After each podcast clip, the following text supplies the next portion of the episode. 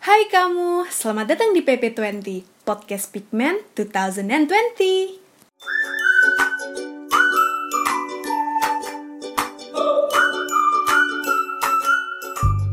Assalamualaikum warahmatullahi wabarakatuh. Aku Fania, FEB 19 Kali ini akan jadi host podcast Pigment 2020 yang bertema kehidupan kampus.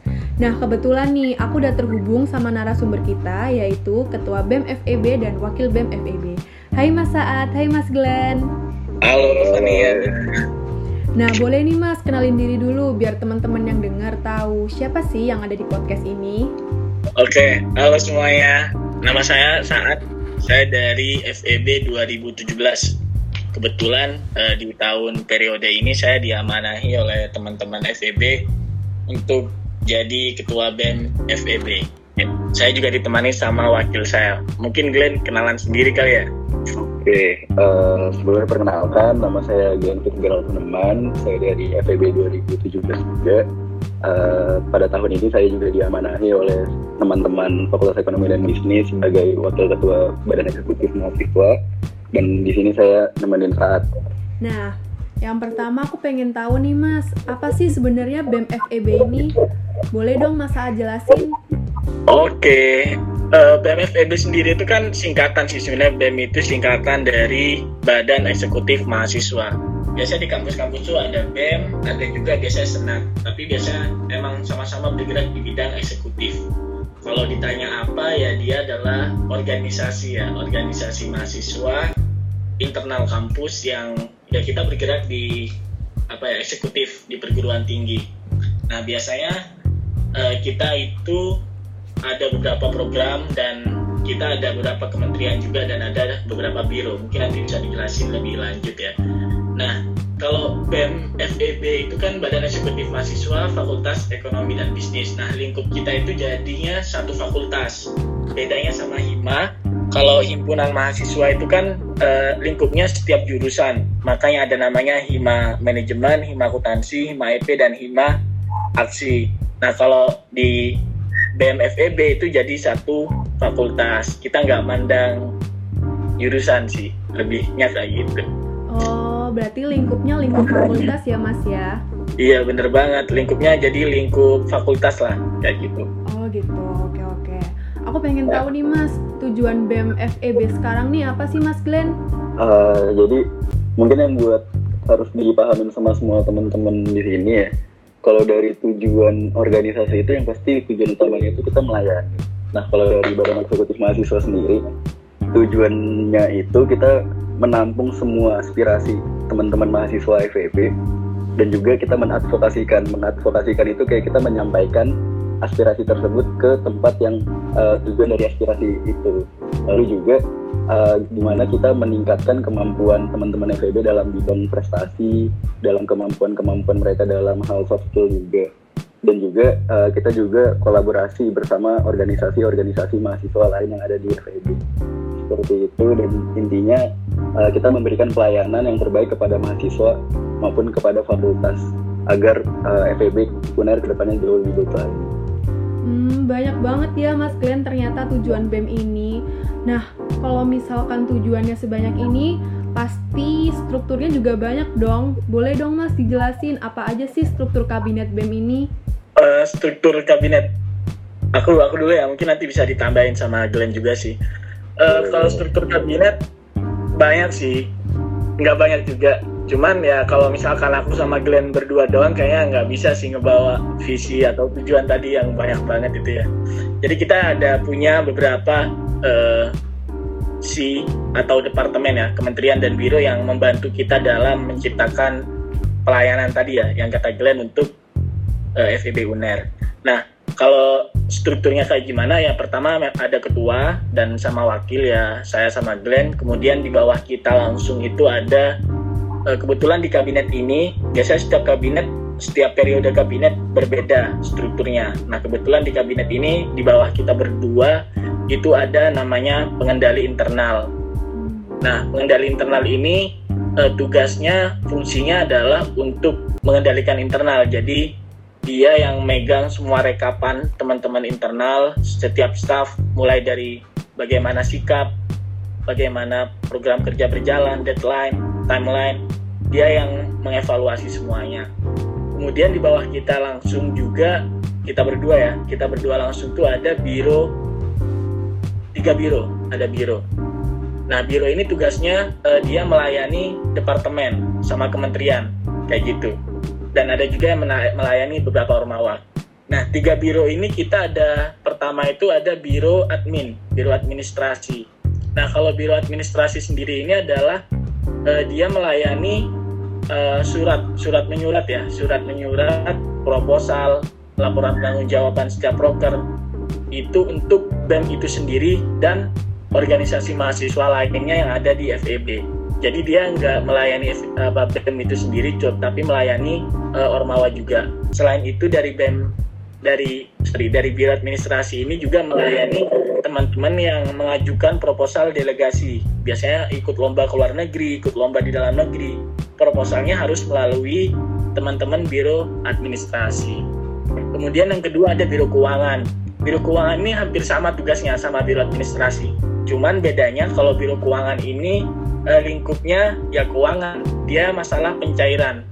Jadi eh, dia yang mencairkan uang dari dekanat untuk mahasiswa untuk program kerja BEM itu sendiri maupun program kerja Ormawa. Kemudian ditambah sama teman-teman eh, delegasi, delegasi lomba ataupun eh, teman-teman yang punya acara kayak gitu sih untuk biro keuangan. Nah yang ketiga itu ada biro Medcom Info. Kalau biro Medcom Info ini lebih ke komunikasinya BEM itu sendiri sama uh, tanggung jawabnya adalah masalah desain juga setiap departemen. Jadi biro biro Medcom ini hampir sama kayak teman-teman yang tadi biro juga, tapi dia fokusnya sama BEM kayak gitu. Jadi dia melayani departemen yang lain kayak gitu. Terus di bawah kita juga lanjut ada kementerian. Kebetulan kita ada empat kementerian yang kita buat. Ini bukan berarti kementerian itu di bawah biro, tapi memang mereka itu garisnya hanya garis koordinasi. Kalau ada gambarnya itu garisnya putus-putus. Nah di situ nggak ada yang namanya perintah atau komando, hanya koordinasi aja. Itu mungkin aku jelasin dulu masalah kementerian internal. Nah, Kementerian Internal itu adalah kementerian yang apa ya tujuannya memang untuk internalisasi baik dari BEM itu sendiri ataupun BEM dengan para ormawa bahkan BEM dengan mahasiswa. Nah dari dari Kementerian Internal itu nanti ada menterinya kayak gitu. Nah di bawah Kementerian Internal ini ada dua departemen. Yang pertama Departemen SDM singkatannya atau pengembangan sumber daya mahasiswa. Yang kedua itu ada SEGA, seni dan olahraga. Kalau PSDM sendiri itu tugasnya uh, dia internalisasi BEM itu. Jadi dia yang bertanggung jawab untuk uh, soft skill teman-teman internal BEM. Ya dia mengadakan pelatihan, terus mengadakan acara-acara yang tujuannya memang untuk internalisasi BEM Kemudian ada juga beberapa program acara PSDM ini atau pengembangan sumber daya mahasiswa ini yang ditujukan untuk meningkatkan soft skill internal Ormawa kayak gitu. Ada juga yang memang untuk acaranya internal untuk meningkatkan soft skill internal semua eh, mahasiswa kayak gitu kalau PSDM. Kemudian Sega. Kalau Sega ini kan seni dan olahraga. Dia yang apa ya memfasilitasi memfasilitasi teman-teman yang punya minat dan bakat ya. Walaupun sebenarnya nggak semua minat dan bakat difasilitasi tapi e, mayoritas minat dan bakat yang ada di FEB itu difasilitasi oleh teman-teman seni dan olahraga. Bagian seni di sini e, banyak juga. Ada komunitas dance ada komunitas tari saman dan ada komunitas yang lain ada juga nanti acara program kerjanya adalah lomba seni satu FEB kayak gitu. Kalau seni dan olahraga ya sama kayak seni. Eh sorry yang olahraga ya, sama kayak seni. Cuman dia bagian olahraga. Ada komunitas futsal ada komunitas basket volley dan lain. Kalau acara besarnya itu ada yang namanya Dekan Cup. Mereka punya program kerja Dekan Cup. Jadi lomba olahraga satu fakultas biasanya diwakili sama jurusan kayak gitu seru banget sih kayak aku capek sih kalau jelasin semuanya Glenn mungkin bisa dilanjut Glenn Boleh deh Mas Glenn. Oke, nah jadi abis dari Kementerian Internal, kementerian berikutnya itu ada Kementerian Eksternal. Nah kalau bahasanya tuh biar gampang, Kementerian Eksternal itu garda terdepan hubungan uh, Badan Eksekutif Mahasiswa terhadap uh, yang di luar dari kampus. Nah dari Kementerian Eksternal ini kita bisa bagi dua, ada Departemen Hubungan Luar sama ada Departemen Pengabdian Masyarakat. Nah dari Departemen Hubungan Luar sendiri uh, itu tuh bagaimana kita berhubungan dari Badan Eksekutif Mahasiswa terhadap seperti sama alumni-alumni uh, FEB UNER itu sendiri, sama instansi yang uh, kita bisa hubungi, kita bisa bekerja sama, sama kampus-kampus luar. Semisal kalau kita mau bekerja sama atau mau bertukar pikiran sama kampus-kampus uh, di luar sana, nanti lewat hubungan luar ini, departemen hubungan luar ini. Juga kalau misalkan kayak terakhir nih kita ada acara uh, kunjungan ke DPR. Nah itu yang uh, memulai uh, yang mengurusi itu semua departemen hubungan luar. Nah juga ada pengabdian masyarakat, departemen pengabdian masyarakat yang pasti salah satunya ini karena ada tri, adanya tridharma perguruan tinggi. Kita selain uh, melayani mahasiswa dan uh, lebih meningkatkan kemampuan-kemampuan mahasiswa juga, kita juga mau bagaimana BMFB ini dapat berdampak terhadap uh, masyarakat masyarakat di sekitaran UNER maupun di luar sana. Dan juga ada beberapa rangkaian program kerja uh, seperti kayak kita ada abdi desa kita punya desa yang yang kita bina dan kita tingkatkan apa yang bisa kita bantu. Uh, nah di situ tanggung jawab dari pengabdian masyarakat. Selain itu juga uh, kita juga meningkatkan kayak uh, mulai mengurangi sampah plastik mulai dari teman-teman mahasiswa FEB sendiri jadi itu semua program-program dari pengabdian masyarakat departemen pengabdian masyarakat dan selain ada kementerian eksternal, kita juga ada kementerian advokasi dan kajian strategis. Nah ini bahasa gampangnya itu garda terdepannya pelayanan kepada setiap mahasiswa-mahasiswa. Nah semisal kita mau informasi beasiswa, kita mau informasi tentang akademik dan semua informasi-informasi yang kita butuhkan, nanti lewatnya itu ada di Departemen Adkesma. Di situ termasuk dalam Kementeriannya Advokasi dan Kajian Strategis. Nah juga uh, selain itu di, di kementerian itu juga ada kajian strategisnya atau departemen kastrat. Nah di sini uh, inti dari kajian kajian dan strat, kajian strategis ini kita itu uh, mengkaji membuat sebuah kita melihat keadaan apa aja sih yang sedang terjadi di lingkungan Surabaya timur maupun Indonesia ataupun luar negeri yang bila kita bahas bareng-bareng yang bisa kita uh, tingkatkan lagi informasi-informasi agar bisa diberikan kepada seluruh mahasiswa FEB agar uh, knowledge kita bareng-bareng bisa lebih terbuka lah pemahaman kita tentang keadaan-keadaan sekitar. Seperti itu. Lalu juga ada kementerian berikutnya ada keilmuan dan aircraft nah kementerian keilmuan dan aircraft ini uh, bahasa gampangnya itu garda terdepan bagaimana kita meningkatkan dari segi prestasi mahasiswa FEB, meningkatkan kemampuan-kemampuan berusaha di mahasiswa FEB.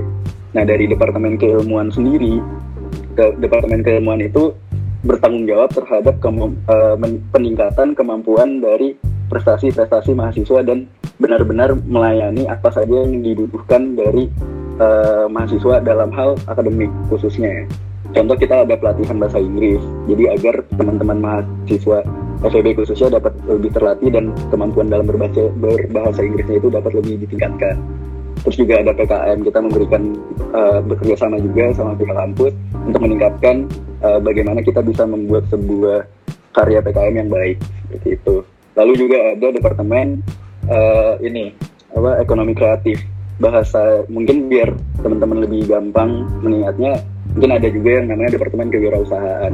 Itu sebenarnya nggak beda tapi intinya adalah di sini kalau dari departemen ekonomi kreatif kita memberikan fasilitas memberikan wadah untuk teman-teman uh, seluruh fakultas ekonomi dan bisnis yang mempunyai usaha kita bisa berjualan bareng kita bisa meningkatkan brandingnya mereka juga kita juga bisa meningkatkan kemamp uh, kita juga ada kayak produk-produk dari uh, BMFEB yang memang benar-benar menciri khaskan uh, eh, FEB itu sendiri. Jadi kayak kita mengeluarkan sebuah produk agar uh, mungkin teman-teman semua di sini akan jauh lebih bangga juga terhadap sebagai anak Fakultas Ekonomi dan Bisnis Universitas Erlangga. mungkin itu sih uh, berbagai macam kementerian yang ada di BMFB Unas gitu kan Wow, banyak banget dong mas berarti uh, departemen dan kabiro yang ada di BEM FEB ini. Nah, buat kalian mahasiswa baru, kalian bisa banget buat join masuk ke BEM FEB biar tahu gimana sih BEM FEB ini, apa sih sebenarnya BEM ini, dan gimana sih cara berorganisasi di dalam lingkup kampus ini. Nah, tadi kan Mas Glenn sama Mas Saat udah jelasin nih Mas uh, semua program kerja dari departemen dan kabironya. Ada nggak sih Mas program kerja yang besar gitu yang jadi satu FEB gitu? Ada nggak ya kira-kira Mas? Ada sih, ada beberapa sih. Oh iya, sebelumnya uh, mungkin ini teman-teman mahasiswa baru kan pasti disuruh ngeresum ya. Kayaknya menarik sih kalau resumnya yang tadi masalah struktur organisasi itu mereka gambarin strukturnya sih ya mungkin teman-teman yang lagi dengerin sih itu kita apresiasi banget sih karena kan nggak ada bayangan masalah struktur BEM. Oke lanjut ya Van sama pertanyaanmu ya. Iya. Masalah eh, program kerja besar. Buat masalah program kerja besar sih sebenarnya kita ada beberapa sih yang besar dan bersama banget. Itu ada Disnatalis, ada Iwik, ada Pigment. Uh, mungkin aku jelasin yang Disnatalis ya. Disnatalis itu program kerja nya dekanat sebenarnya cuman e, melibatkan semua mahasiswa, semua dosen dan dekanat dan kemahasiswaan jajarannya ya. Di situ kita mengemas bagaimana acara ulang tahun FEB. Gitu. Itu biasa rangkaiannya selama satu bulan di bulan Agustus kayak gitu. Ya di bulan Agustus ini sih. Kemudian yang kedua ada pigment. Nah ini pigment sendiri kayak kan lagi berjalan ya podcastnya. Nah, Pigment ini buat teman-teman tahu semuanya adalah program kerja bersama. Jadi semua ormawa yang ada di FEB itu bekerja sama untuk membentuk Pigment ini. Jadi Pigment ini memang program kerja yang didukung oleh semua ormawa. Jadi bukan program kerja BEM aja Pigment ini, tapi semua ormawa. Mulai dari pembangunan nilai, eh, bagaimana teknis acara ini. Itu semua ormawa tetap mengevaluasi, tetap controlling sama bagaimana berjalannya pigment kayak gitu. Ya, terus ada IWIK. IWIK itu dulu sebenarnya eh, kenapa saya bilang ini program kerja besar bersama karena sebenarnya IWIK ini adalah milik semua ormawa. Karena IWIK ini program kerja besar sejak tahun saya kurang tahu tahun berapa itu menjadi program kerja BEM secara struktur ya. Jadi di bawah BEM IWIK ini. Nah, mungkin Glenn bisa jelasin Glenn yang masalah IWIK Glenn. Oke, kalau IWIK mungkin tadi melengkapi yang tadi saat udah jelasin ya kalau sekarang mungkin emang IWIK itu udah di pertanggungjawabkan sama Badan Eksekutif Mahasiswa. Tapi sebenarnya itu nanti pembahasan setiap uh, ormawa setiap tahunnya mungkin berbeda nanti hasilnya. Tapi intinya adalah IWIK itu uh, bagaimana kita memfasilitasi dan mewadahi seluruh uh, mahasiswa FEB agar kita bisa berkontribusi di dalam acara itu. Pertanyaannya kan berkontribusi itu nggak memang harapannya kita bisa bekerja bareng, bisa uh, membuat sebuah program kerja di dalam IWIK itu bersama-sama. Tapi bu tapi bukan itu aja, tapi kita bisa memberikan uh, mungkin teman-teman mahasiswa bisa ikut jadi sebagai peserta, bisa sebagai penonton. Nah ini memang bisa dikatakan rangkaian acara yang besar karena di dalam e-week itu bisa dibagi tiga. Selama ini dibagi tiga jadi ada IDSC mungkin kalau teman-teman uh, melihat sekarang di dalam dunia perkuliahan itu lomba paper itu benar-benar penting banget buat teman-teman ikutin buat teman-teman bisa meningkatin kemampuan di dalam hal akademiknya juga. Dan juga uh, jadi di e-week itu ada namanya IDSC yaitu lomba uh, paper tapi bertaraf internasional selain lomba paper itu sendiri ada juga seminarnya. Nah, kalau kayak tahun 2019 kemarin kita juga ngundang influencer, mengundang uh, pembicara-pembicara yang bisa lebih meningkatkan uh, kesadaran kita agar lebih apa ya lebih termotivasi dan itu pasti temanya beda-beda gitu. Nah, selain ada IDSC, ada juga SOSEC atau social action. Jadi bagaimana kita uh, pasti setiap tahun berbeda-beda temanya, tujuannya, sebagainya. Tapi intinya uh, bagaimana sos social action ini bisa uh, merangkul teman-teman mahasiswa juga agar lebih meningkatkan rasa untuk kita bisa berbagi ataupun peduli terhadap tema yang bakal dibahas intinya seperti itu. Lalu juga uh, ada ada IVES atau Investaporia. Biasanya ini sebagai penutupnya IWIK yang di mana kalau teman-teman semua tahu biasanya kalau di SMA ada namanya pensi. Nah ini tuh di FEB juga ada. Jadi kita ada acara mungkin buat uh, satu satu FEB itu bisa berkumpul bersama, bisa bonding bareng, bisa nyanyi-nyanyi bareng. Uh, dan di sini tempatnya yaitu Investaporia seperti itu sih. Jadi intinya IWIK ini emang rangkaian yang dibuat agar satu fakultas mahasiswa entah mau dari organisasi mana pun harapannya entah pun gak berorganisasi kita bisa berkontribusi bareng mulai dari jadi panitia ataupun jadi peserta agar kita bisa lebih meramaikan uh, acara fakultas ekonomi dan bisnis ini. Itu sih mungkin ya kalau lebih detail tentang IWIK. Hmm. Ya, alhamdulillahnya sih semua program kerja BEM dan semua ormawa juga walaupun online-online kayak gini masih berjalan ya Glenn ya? Bahkan masih, masih. iya bahkan Investaporia pun uh, insya Allah bakal tetap berjalan kayak gitu. Ya mungkin tetap kita perlu bisa ini ya tetap harus bisa beradaptasi lah yang pasti nah betul. mungkin kita nanti doa dan support dari mahasiswa baru ya. Betul betul betul. Iya. Bisa dan kalau bisa Buk, uh, selain doa yang pasti kita berharap uh, teman-teman semua acara ini bisa lancar. Tapi mungkin teman-teman semua bisa berkontribusi entah yang tadi kita bilang entah mungkin jadi panitia ataupun jadi peserta. Supaya kita bisa kenal bareng main bareng uh, semua rangkaian acara kita paham dan dapat manfaatnya semuanya seperti itu jadi dari semuanya uh, terdapat proker besar juga ya Mas dari Disnatalis, ada Pigment juga, ada Iwik yang nantinya di ujung acara bakal ada pensi gitu ya Mas ya. Nah, buat semua kalian bisa banget buat ikut jadi panitia Pigment ataupun panitia Iwik ini sendiri. Nah, bentar deh Mas kan kalau misalkan maba-maba ini baru masuk boleh nggak sih mas kayak join langsung buat ikut proker gitu? Kalau itu sih balik sama program tergantung program kerjanya sih. Kayak gitu. Ada juga dan tergantung sama jurusan. Biasanya ada jurusan yang eh, karena memang belum ada ospek atau belum disahkan sebagai mahasiswa kan nggak boleh ikut program kerja. Kayak gitu sih tapi ada beberapa sih program kerja BEM ataupun Ormawa juga yang melibatkan mahasiswa baru.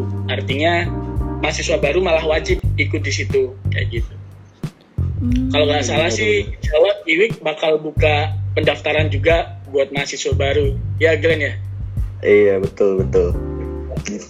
Mungkin teman-teman mahasiswa kalau nanti ada ada pembukaan panitia atau open recruitment seperti itu yang mau mulai berkontribusi, yang mau mulai melatih uh, soft skillnya bisa mulai dari sekarang juga gitu sih. Tapi ya tadi yang saat bilang kalau misalkan emang setiap jurusan punya caranya masing-masing, punya budayanya masing-masing, jadi kita nggak bisa uh, mensamaratakan.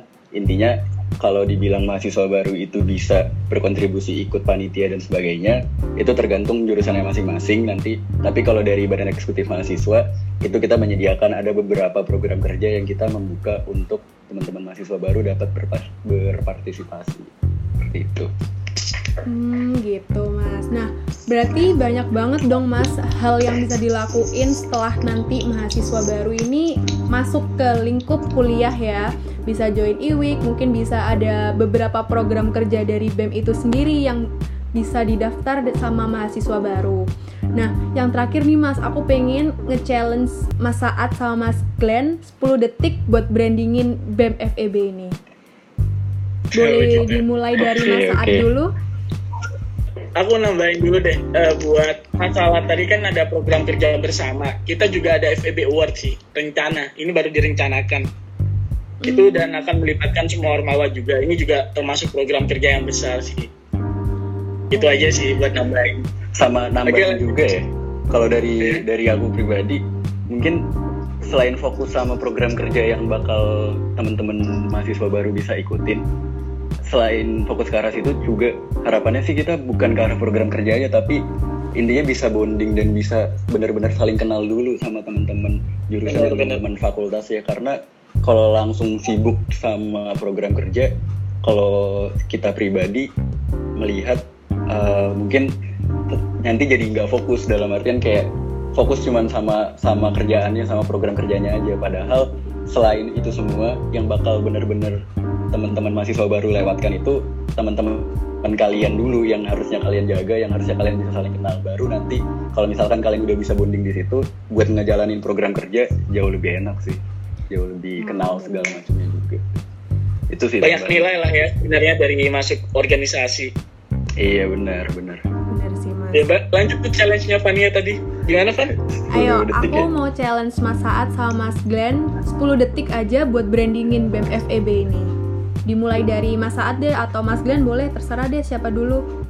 oke aku dulu aja ya nanti mungkin saat bisa closingin Oke. Jadi intinya gini, kalau branding BMFEB kita lebih berfokus bagaimana teman-teman mahasiswa baru itu bukan bukan uh, join sama salah satu organisasi, tapi kita berharap teman-teman mahasiswa WSPB itu bisa bergabung dan uh, berkontribusi di setiap organisasi. Intinya bukan BMFEB ya, tapi seluruh organisasi mahasiswanya di mana pun kalian berada, semuanya bagus kok. Intinya kalian bisa melatih dan kema- melatih kemampuan dan uh, mengembangkan setiap kemampuan-kemampuan kalian juga di situ mungkin saat bisa tambahin Kalau dari aku sih Ki Hajar Dewantara itu kan pernah ngomong kalau misal jadikan setiap orang adalah guru dan setiap tempat adalah sekolah.